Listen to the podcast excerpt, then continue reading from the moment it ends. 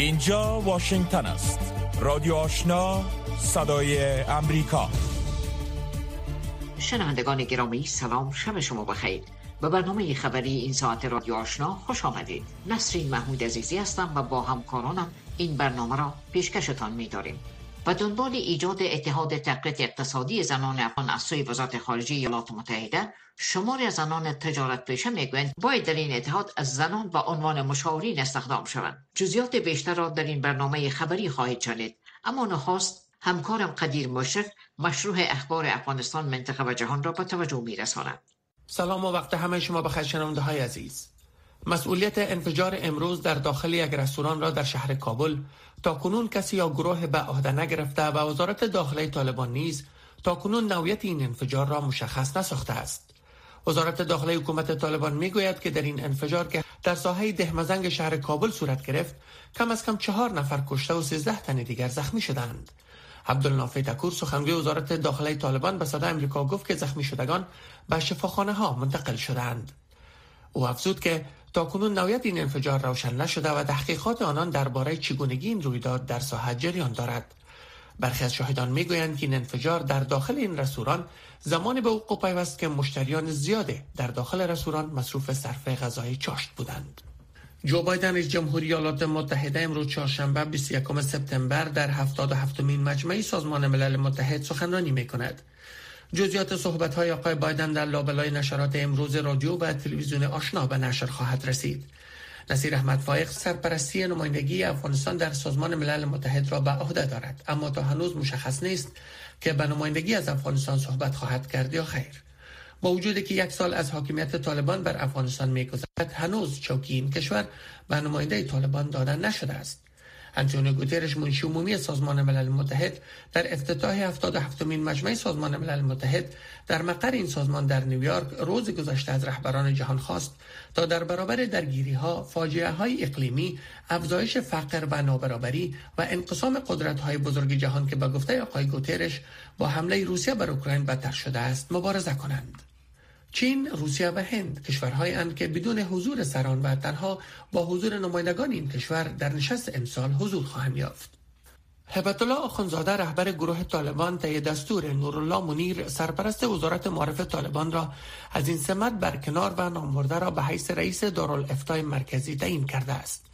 زیبیلا مجاهد یکی از سخنگویان طالبان در تویت فهرست از تقرری های جدید را نشر کرده که به دستور رهبر این گروه در سمت های مختلف تعیین شدند.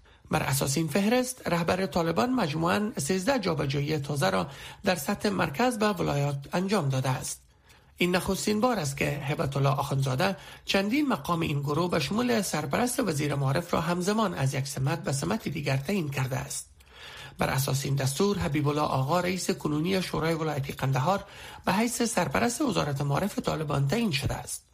طالبان در مورد تقرری های جدید تا حالا هیچ دلیل ارائه نکردند. جزیات را در وبسایت های دری و پشتوی صدا امریکا خواندن می توانید.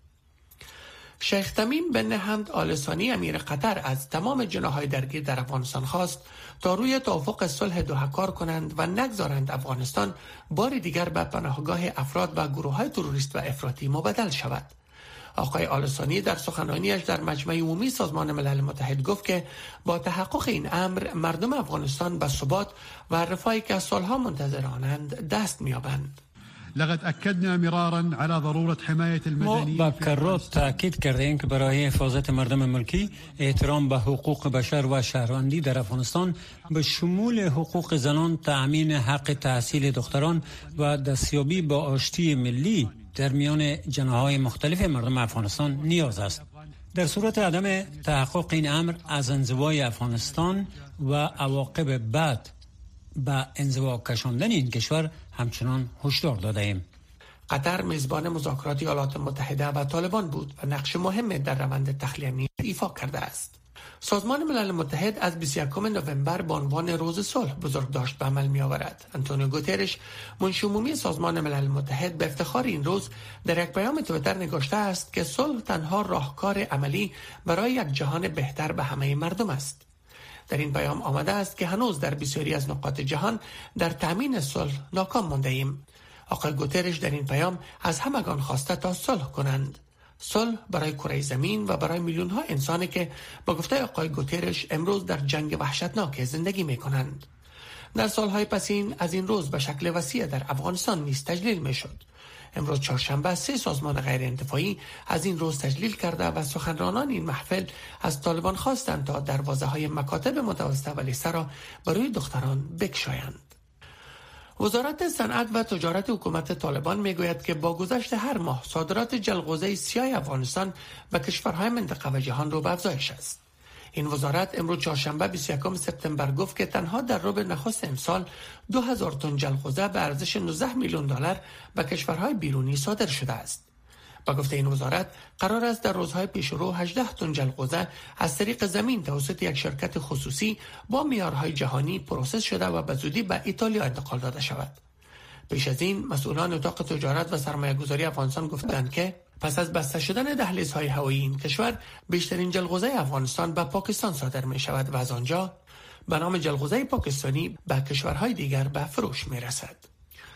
یک کشتی حامل غلجات اوکراین برای افغانستان قرار است فردا پنجشنبه بندر اودیسه را ترک کند. خبرنگار صدای امریکا گزارش می دهد که از اول ماه اگست هر هفته کشتی ها به بندر اودیسه می و غله مورد نیاز کشورها را بارگیری کرده و از طریق دهلیز ایجاد شده برای غلجات انتقال می دهند. وزیر امور های اوکراین به صدای امریکا گفت که سومالیا، ایتوپیا، کینیا در میان کشورهایی است که مواد غذایی اوکراین را به دست می آورند. قبل از جنگ اوکراین صادر کننده عمده غلجات و سایر محصولات زراعتی به جهان بود. پیش بینی های سازمان ملل متحد نشان می دهد که به دلیل جنگ تا 181 میلیون نفر در 41 کشور جهان ممکن است با بحران غذایی یا حتی قحطی آشکار مواجه شوند. ادامه خبرهای افغانستان منطقه و جهان را از رادیو آشنا میشنوید. مقامات ایرانی امروز چهارشنبه گفتند که سه نفر به شمول یک کارمند نیروهای امنیتی در ناامنی های اخیر در سراسر این کشور کشته شدند. پس از جان باختن محسا امینی دختر ایرانی در بازداشت پلیس ارشاد ایران مظاهرات سرتاسری در ایران وارد پنجمین روز خود شد. جزئیات بیشتر از رویا زمانی. گروه های مدافع حقوق بشر گزارش دادند که شمار جانباخته های این ناامنی ها به کم از کم هفت نفر رسیده است. علی خامنه ای رهبر ارشد ایران در سخنرانی روز چهارشنبه خود به مناسبت بزرگداشت از جنگ هشت ساله ایران و عراق از مظاهرات هیچ یادآوری نکرد. یک تن از دستیاران آقای خامنه ای به خانواده محسامینی تسلیت داده و وعده پیگیری این رویداد را داده است. در مظاهرات تهران زنان حضور گسترده داشتند و بسیاری آنان چادرهای سرشان را به رسم اعتراض در ملای عام به آتش کشیدند ویدیوهایی که در رسانه های اجتماعی دست به دست می شود همچنان نشان می دهد که مظاهره کنندگان تصویر علی خامنه ای را پاره می کنند. در پانتون تهران باری دیگر امروز چهارشنبه مظاهره کنندگان تجمع کرده و شعار مرگ بر دیکتاتور را سر می دادند. پس از مظاهرات سال گذشته به خاطر بلند رفتن قیمت نفت و اجناس در ایران اعتراضات چند روز اخیر در این کشور به پیشینه بوده است. مقامات پاکستانی می‌گویند که سرازیر شدن سیلاب ها در پاکستان روز گذشته جان ده تن دیگر به شمول چهار کودک را گرفته است. یونسف امروز درخواست خود را برای 39 میلیون دلار به منظور کمک به آسیب دیدگان سیلاب های اخیر به پاکستان تجدید کرد. صندوق وجهی سازمان ملل متحد برای کودکان در یک اعلامیه امروز چهارشنبه گفت که تنها یک سوم مقدار پول درخواستی خود را تا کنون به دست آورده است. این درخواست پول در حال صورت می گیرد که مقامات امور صحی پاکستان در تلاش برای مهار شیوع بیماری های مختلف ساری از طریق آب در میان صدها هزار نفر آسیب دیده از سیلابند که هنوز در زیر خیمه ها در ایالت سند پاکستان شب و روز میگذرانند. صدر اسرائیل پس از 14 سال روز سهشنبه با رجب طیب اردوغان رئیس جمهور ترکیه ملاقات کرده است. دفتر صدراعظم اسرائیل گفت که یایر لاپید در حاشیه مجمع عمومی سازمان ملل متحد در ملاقات با آقای اردوغان گفته است که در این دیدار از احیای روابط کامل دیپلماتیک بین دو کشور و انتصاب سفیر جدید اسرائیل در ترکیه در این هفته استقبال کرده است. و مقامات سومالیا می‌گویند که اعضای شبه‌نظامی در مناطق مرکزی این کشور در کشتن دهها جنگجوی الشباب در عملیات روان علیه شورشیان افراطی اسلامگرا کمک کردند. مقامات گفتند که در این عملیات حمایت هوایی نظامیان امریکایی نیز همراه می باشد. وزیر اطلاعات فرهنگ و توریسم سومالیا در یک اعلامیه گفته است که جنگجویان مزنون الشباب در منطقه هیران و عبوری هدف قرار گرفتند که تنها روز یکشنبه صد نفر آنان کشته شده است پس از حمله مرگبار ماه گذشته به هتل در موگادیشو حسن شیخ محمد رئیس جمهور سومالیا جنگ کامل و تمام ایار را علیه شورشیان مرتبط با القاعده اعلام کرد. پایان خبرهای افغانستان منطقه و جهان از رادیو آشنا صدای امریکا. هفت روز هفته با رادیو آشنا صدای امریکا. شنوندگان گرامی اخبار افغانستان منطقه و جهان را از رادیو آشنا شنیدید آن هم توجه نمایید به گزارش های این بخش به دنبال ایجاد اتحاد تقویت اقتصادی زنان افغان از سوی وزارت خارجه ایالات متحده شمار از زنان تجارت پیشه می‌گویند که باید در این اتحاد زنان افغان به عنوان مشاورین استخدام شوند جزیات بیشتر را در این گزارش میشنوید وزارت خارجه ایالات متحده روز سه شنبه اتحاد تقویت اقتصادی زنان افغان را راه اندازی کرد هدف ایجاد این اتحاد فعالیت های بشردوستانه تعهدات جامعه مدنی برای پیشرفت متشبسین خصوصی زنان افغان اشتغال زایی و ایجاد فرصت های آموزشی در افغانستان است. شکریه بارگزای عضو پیشین مجلس نمایندگان افغانستان به صدای امریکا گفت که پالیسی جدید امریکا در زمینه کمک های اقتصادی به زنان ایجاد اشتغال برای آنان و بازاریابی جهانی برای تولیدات زنان متشبس افغان اقدام خوب و بجا است. خانم بارگزای افزود که علاوه بر این برای زنان افغانستان در حوزه اقتصادی به کارهای اساسی نیاز است. دې پیل باندې باید بسنه ونشي نور کارو ته هم ضرورت شته. نباید به این کار بسنده شود و کارهای بیشتری نیاز است که برای افغانها انجام شود مخصوصا از زنان توانمند که در داخل و خارج از افغانستان هستند. از استعداد تجربه و از فکر و نظر آنها برای آینده افغانستان در شرایط کنونی کمک های بشری و ساختارهای سیاسی کار گرفته شود. بشری مرستو لپاره سیاسی جوړښتونو لپاره باید ورته ورنه کار واخیسته سی. به گفته خانم بارگزی گرچه با گذشت بیشتر از یک سال این پالیسی ایجاد شده اما قابل ستایش است. به ویژه در شرایط کنونی که زنان وظایفشان را در افغانستان از دست دادند. این عضو پیشین مجلس نمایندگان افغانستان گفت که بر علاوه توقع از طالبان مبنی بر تغییر عمل کرد در برابر زنان نیاز است که در سطح بین المللی از توانایی های زنان افغان استفاده شود و بر فراهم کردن زمینه برای آنان در حوزه آموزش، کار، تجارت، کارهای اکادمیک و مشارکت سیاسی توجه شود.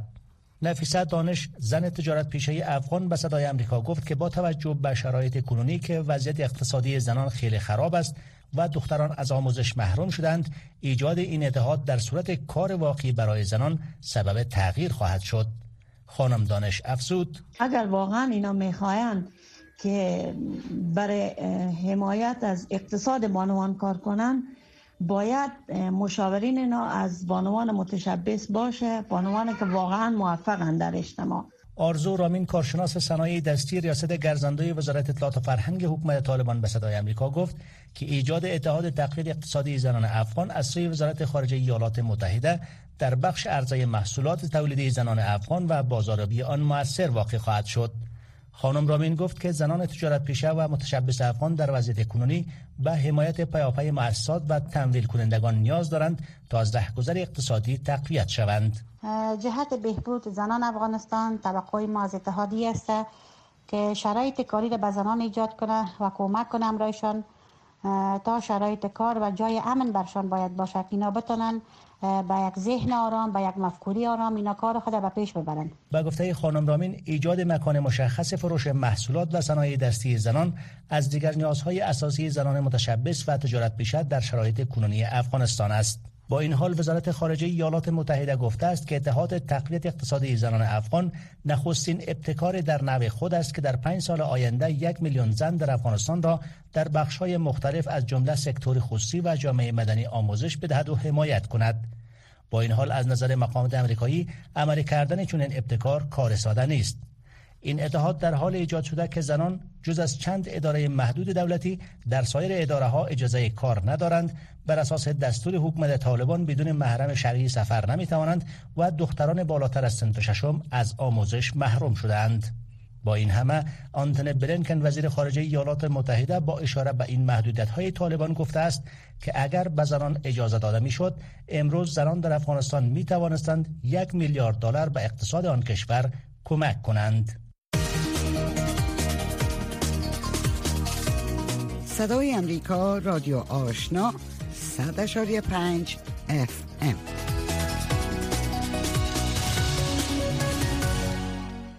وزیر خارجه ایالات متحده روز شنبه 20 سپتامبر اتحاد تقویت اقتصادی زنان افغان را راه اندازی کرد. انتونی بلینکن که در حاشیه 77 مین نشست مجموعه عمومی ملل متحد صحبت می‌کرد گفت امریکا یک جا با متحدین و شرکای خود از طریق دیپلماسی زنان و دختران افغان را در عرصه های مختلف کمک می کند. تا حد عملی شدن این ابتکار که یک مشارکت جدید بین سکتور عامه و خصوصی خوانده شده است امکان پذیر خواهد بود در این مورد توجه نمایید به مصاحبه ای که با آقای اسحاق قتمر تحلیلگر امور سیاسی نظامی از انستیتوت آی سی دی شهر برلین انجام دادم دکتر سپ چی باعث میشه که ایالات متحده با وجود نابسامانی های اقتصاد جهانی و تشدید جنگ اوکراین و روسیه برای آموزش و حمایت یک میلیون زن در افغانستان چنین یک ابتکار را روی دست بگیره؟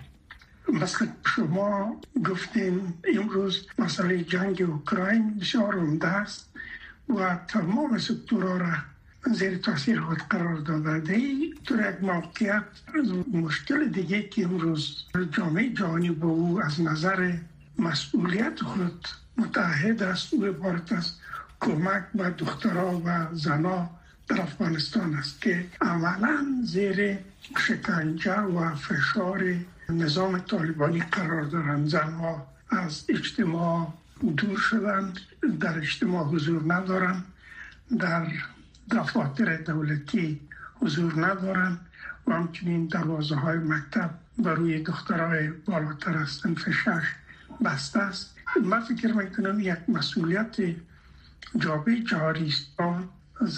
و مخصوصا دخترهای که علاقه من به تحصیل هستن اینا را کمک بکنن با قیودات شدیدی که طالبا تحمیل کردن چقدر امکان عملی شدن ای ابتکار ممکن در داخل امریکا باشه یا در افغانستان موجود است؟ با فکر می‌کنم راه های حل وجود داره فشارهای مستقیم و غیر مستقیم می‌تونه طالبا را به این وادار بسازه که اونا امی تحذیرات روی دخترها و روی خانما برطرف کنن و در غیر از او امکان از این موجود است که از طریق بدیل امی موارد امریکا دست به کار شوه و راه های را جستجو بکنن. چه نوع بدیله؟ هدف ما بدیل است که وقتی کار مستقیم شما امرای خانما و دختران کرده نمی‌تونین راه های بدیل راه های مجازی است. راه است که میشه به طور مثال یک برنامه بسیار دقیق برای تربیه و یا برای تحصیل دخترای که اینا امروز در داخل کشور امکانات مکتب رفتنشان نیست از طریق مثلا برنامه های مجازی از طریق درس های آنلاین از طریق تهیه کردن تمام نوت های درسی از طریق آنلاین و بعد از گذاشتن از اونا به شکل پادکست ها موارد است و شاید هم انواع مختلف دیگه که اونا بتانن از طریق اما مشکلی که فعلا با اون مواجه هستن میرن برطرف کنن. شما می‌فهمید مثلا اگر ما یک مثال بگیم هندوستان. امروز اکثریت یا بگم نزدیک به اکثریت مردم هندوستان اینا در بیرون از هندوستان کار می‌کنن ولی خودشان در خود هند هستن. یعنی از طریق اینترنت اینا خدمات کمپانی ها را در سر تا سر دنیا از داخل خود هند انجام میتن و این یک راه عملی است. من فکر می‌کنم راه بدیل اینی راه است که میشه که جامعه جهانی زنان و دختر افغانستان اگر فشارهایی که وارد میشه سر طالبا به نتیجه نرسه یعنی راه های بدیلش هم نیست و یا راه های بدیل دیگه هم می‌تونه باشه که فشار بالای کشورهای دوست افغانستان است که اونا فشار بیارن سر طالبا که اینا به می‌خواست جامعه جهانی لبیک کنه در این رابطه چقدر احزاب سیاسی امریکا شرکا و جهان اسلام با اوی موافق خواد بودن؟ اول خود در جهان اسلام هیچ کس مخالف از این کار نیست و دویی که در خود امریکا هم زینیت ها همی است که یا در بیرون از امریکا در سر تا سر دنیا ذهنیتی است که باید مردم افغانستان مخصوصا خانم و دختران کمک شوند و این فرصت داره روز بر روز از دست ما مبرای از دست افغان ها مبرای پس برای یک راه حل اساسی سنجیدن به کار است که تا جامعه جهانی بتانه از طریق اون راه ها افغان ها را کمک بکنن و در صورتی که این کار عملی شوه آینده افغانستان چگونه پیش بینی می‌کنیم خب این راه حل موقتی است. نمی‌تونه این راه حل دائمی باشه. البته راه حل موقتی به این که صرف امی زمان را که ما از دست دار میریم امیر جبران کنه بتانیم ولی راه حل دائمی نیست. باید جهان بر راه حل دائمی فکر بکنه و بر از اون طرز العمل ها و رابورت های را انتخاب بکنه که تا افغان ها بتانن به هدف خود برسن شنوندگان گرامی رادیو آشنا صدای امریکا نشرات رادیو آشنا را در موج متوسط 1296 موج کوتاه 11575 اشاری سفر و در موج 972 کیلوهرتز شنیده می توانید. هر سال روز جهانی سال در سراسر جهان در 21 سپتامبر برگزار می شود. مجموعه عمومی سازمان ملل متحد این روز را با عنوان روز برای تقویت های صلح از طریق رعایت عدم خشونت و آتش بس اعلام کرده است. موضوع روز جهانی صلح سال 2022 تبعیض انتخاب شده است. در حالی که روز جهانی صلح امروز در سراسر جهان و در مقر سازمان ملل متحد تجلیل می شود مردم افغانستان می گویند که رسیدن به سال برای آنها به یک رویای غیر قابل دسترس مبدل شده است آنها از ملل متحد می خواهند که در مورد وضعیتی که مردم افغانستان با آن روبرو هستند بحثی را را اندازی کرده و راه حل های عملی را برای بنبست و مشکل افغانستان جستجو کنند. توجه نمایید به مصاحبه همکار ما فوزی احسان با صابر انسان دوست استاد دانشگاه و نویسنده. محترم صابر انسان دوست امروز روز جهانی سال هست در روزی که صلح نامگذاری شده و در سازمان ملل متحد تجلیل میشه وضعیت در افغانستان چگونه است؟ یک تصویری از افغانستان بدین لطفا. باید بگم که صلحی که در فضای میشه با آرامی زندگی کرد.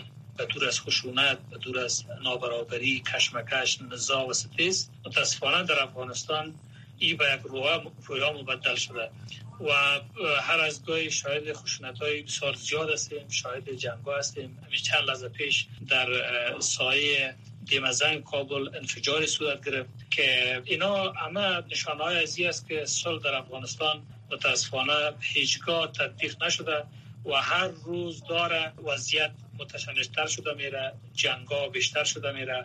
حتی خطر از وجود داره که افغانستان به جنگ داخلی بره و مشکلات دیده پیدا شد فقر مهاجرت فرار از وطن و به می ترتیب استبداد جنگ و عالمی از مصیبت های دیگری که قرار می‌گیره در زدیت با واژه و معنای صلح. موضوع امسال روز جهانی صلح ملل متحد البته مبارزه با تبعیض و ایجاد صلح نامگذاری شده. تبعیض نژادی این مسائل چقدر در افغانستان احساس میشه و چقدر سر شرایط موجود تاثیر گذاشته؟ با توجه به یک سال حاکمیت طالبان در افغانستان متاسفانه بحث تبعیض بحث خشونت سرکوب کردن های مذهبی و نابرابری متاسفانه بیشتر از هر وقت دیگه رنگ شده. شما خبرهایی را دارید در افغانستان که واژه ها اصطلاحات زبانهایی که ملی در افغانستان گویندگان و اینا زیاد داره اونا را حذف می‌کنن هر روزی. اینا چیزایی است که هر روز در حال افزایش است و ما به بس سازمان ملل متحد که امسال سال سال ها سال کاهش تنشها و, و اینا نامگذاری کردن. خیلی باور به این خاطر ندارم که یک سال تمام سازمان ملل متحد و همه نهادهای جهانی و بین‌المللی از وضعیت بسیار رقبار و بحران آفرین افغانستان نظارگر بودن. و شما روز شاهد نقض گسترده حقوق بشر در افغانستان هستین اما نهادهای بین‌المللی با توجه به مسئولیتی که به اساس منشور سازمان ملل و قواعد بین‌الملل دارن فقط نقششان هم مسئولیتشان در اعلامیه ها خلاصه می‌کنن حالا که ضرورت بود باید بیشتر مداخله می بودن و کشتاری که صورت می‌گیره نقضای حقوق بشر صورت می‌گیره جنایت های جنگی شما روز می‌بینن اینا باید موضوعگیر بیشتر باشن. تنها در حد اعلامیه ها و نامگذاری ها به نظر من کافی نیست. باید بیشتر وارد عمل شن و تلویزیون آشنا دریچه شما به سوی جهان. نه تنها در صفحه تلویزیون بلکه در صفحه اختصاصی فیسبوک تلویزیون آشنا. در وبسایت دری با آدرس voanews.com دری. در یوتیوب با آدرس voa افغانستان دری. و در صفحه اینترنتی تویتر تلویزیون آشنا در هر زمان و هر مکان پیوند دهنده شما با جهان. و این هم آخرین گزارش این بخش. انتونی بلینکن وزیر خارجه ایالات متحده در حاشیه مجمع عمومی سازمان ملل متحد یکی از های نشست امنیت غذایی می باشد. مقامات ارشد سازمان ملل متحد هشدار دادند که خوشسالی افزایش قیمت کالاها در جهان تأثیرات ویروس کرونا و حمله روسیه بر اوکراین می تواند باعث گردد تا بسیاری از کشورها را به سوی قحطی بکشاند. سندی سین خبرنگار صدا امریکا گزارش دارد که رویا زمانی به توجه می رساند. سازمان ملل متحد می گوید که بیش از 800 میلیون نفر در سراسر جهان در حال حاضر از گرسنگی رنج می برند. رقمی که افزایشی 150 میلیون تن را از زمان آغاز همگیری ویروس کرونا نشان می دهد. انتونی بلنکن وزیر خارجه ایالات متحده روز سه شنبه در حاشیه مجمع عمومی سازمان ملل متحد گفت که جو بایدن رئیس جمهور این کشور کمک های جدید تقویتی را در این بخش اعلام خواهد کرد. آقای بلنکن گفت که راه دیگر برای حمایت از رفع گرسنگی این است که بر تمدید قرارداد روسیه و اوکراین با میانجیگری سازمان ملل متحد که اجازه می دهد تا غلجات از بنادر دریای سیاه صادر شود فشار آورد. همانطور که از همکارانم شنیدید با وجود برخی از اطلاعات غلط که همچنان از مسکو شنیده می شود غلات و دیگر محصولات غذایی و جاهای مورد نیاز عمدتا در کشورهای جنوبی جهان انتقال داده می شود. این اقدام همچنین با کاهش قیمت مواد غذایی در سراسر جهان کمک کرده است. از سوی هم ولادیمیر پوتین رئیس جمهور روسیه گفته است که این قرارداد مفید نبوده و او غرب را به دلیل تحریم ها بر مسکو به جای حمله روسیه بر مسکو متهم به کمبود غذا و مواد کیمیایی می کند. پدرو سانچز صدر اسپانیا گفت که پوتین تلاش می کند که جهان را از طریق غذا باجگیری کند. زمان از دست می رود. اگر دهاقین مواد کیمیاوی لازم را در زمان مناسب به دست نیاورند کشورهای فقیر یا حتی اکثر کشورها با وضعیت بدتر ادامه خواهند داد. بگذارید واضح بگویم هیچ صلح با گرسنگی وجود ندارد و ما نمی توانیم بدون صلح با گرسنگی مبارزه کنیم. الکساندر کوبروکوف وزیر انکشاف اوکراین به صدای امریکا می‌گوید که اوکراین صادرات غله به سومالیا، ایتوپیا، کینیا و سایر کشورهای افریقایی را که بیشتر به آن نیاز دارند از سر می‌گیرد.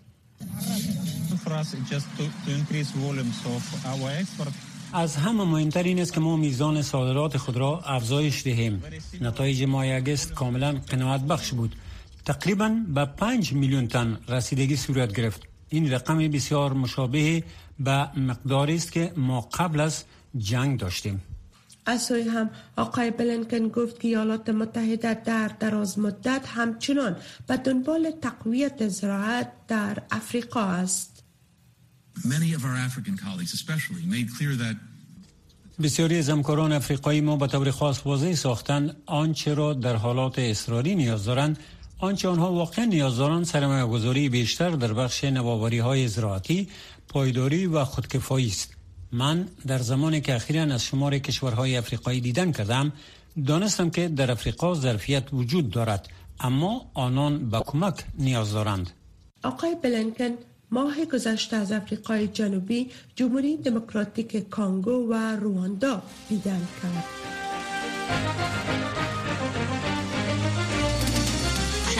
گرامی این بود داشته های این برنامه خبری که در همین جا به پایین رسید. اما نشرات پشتو و دلی رادیو آشنا همچنان ادامه دارد. با ما باشید.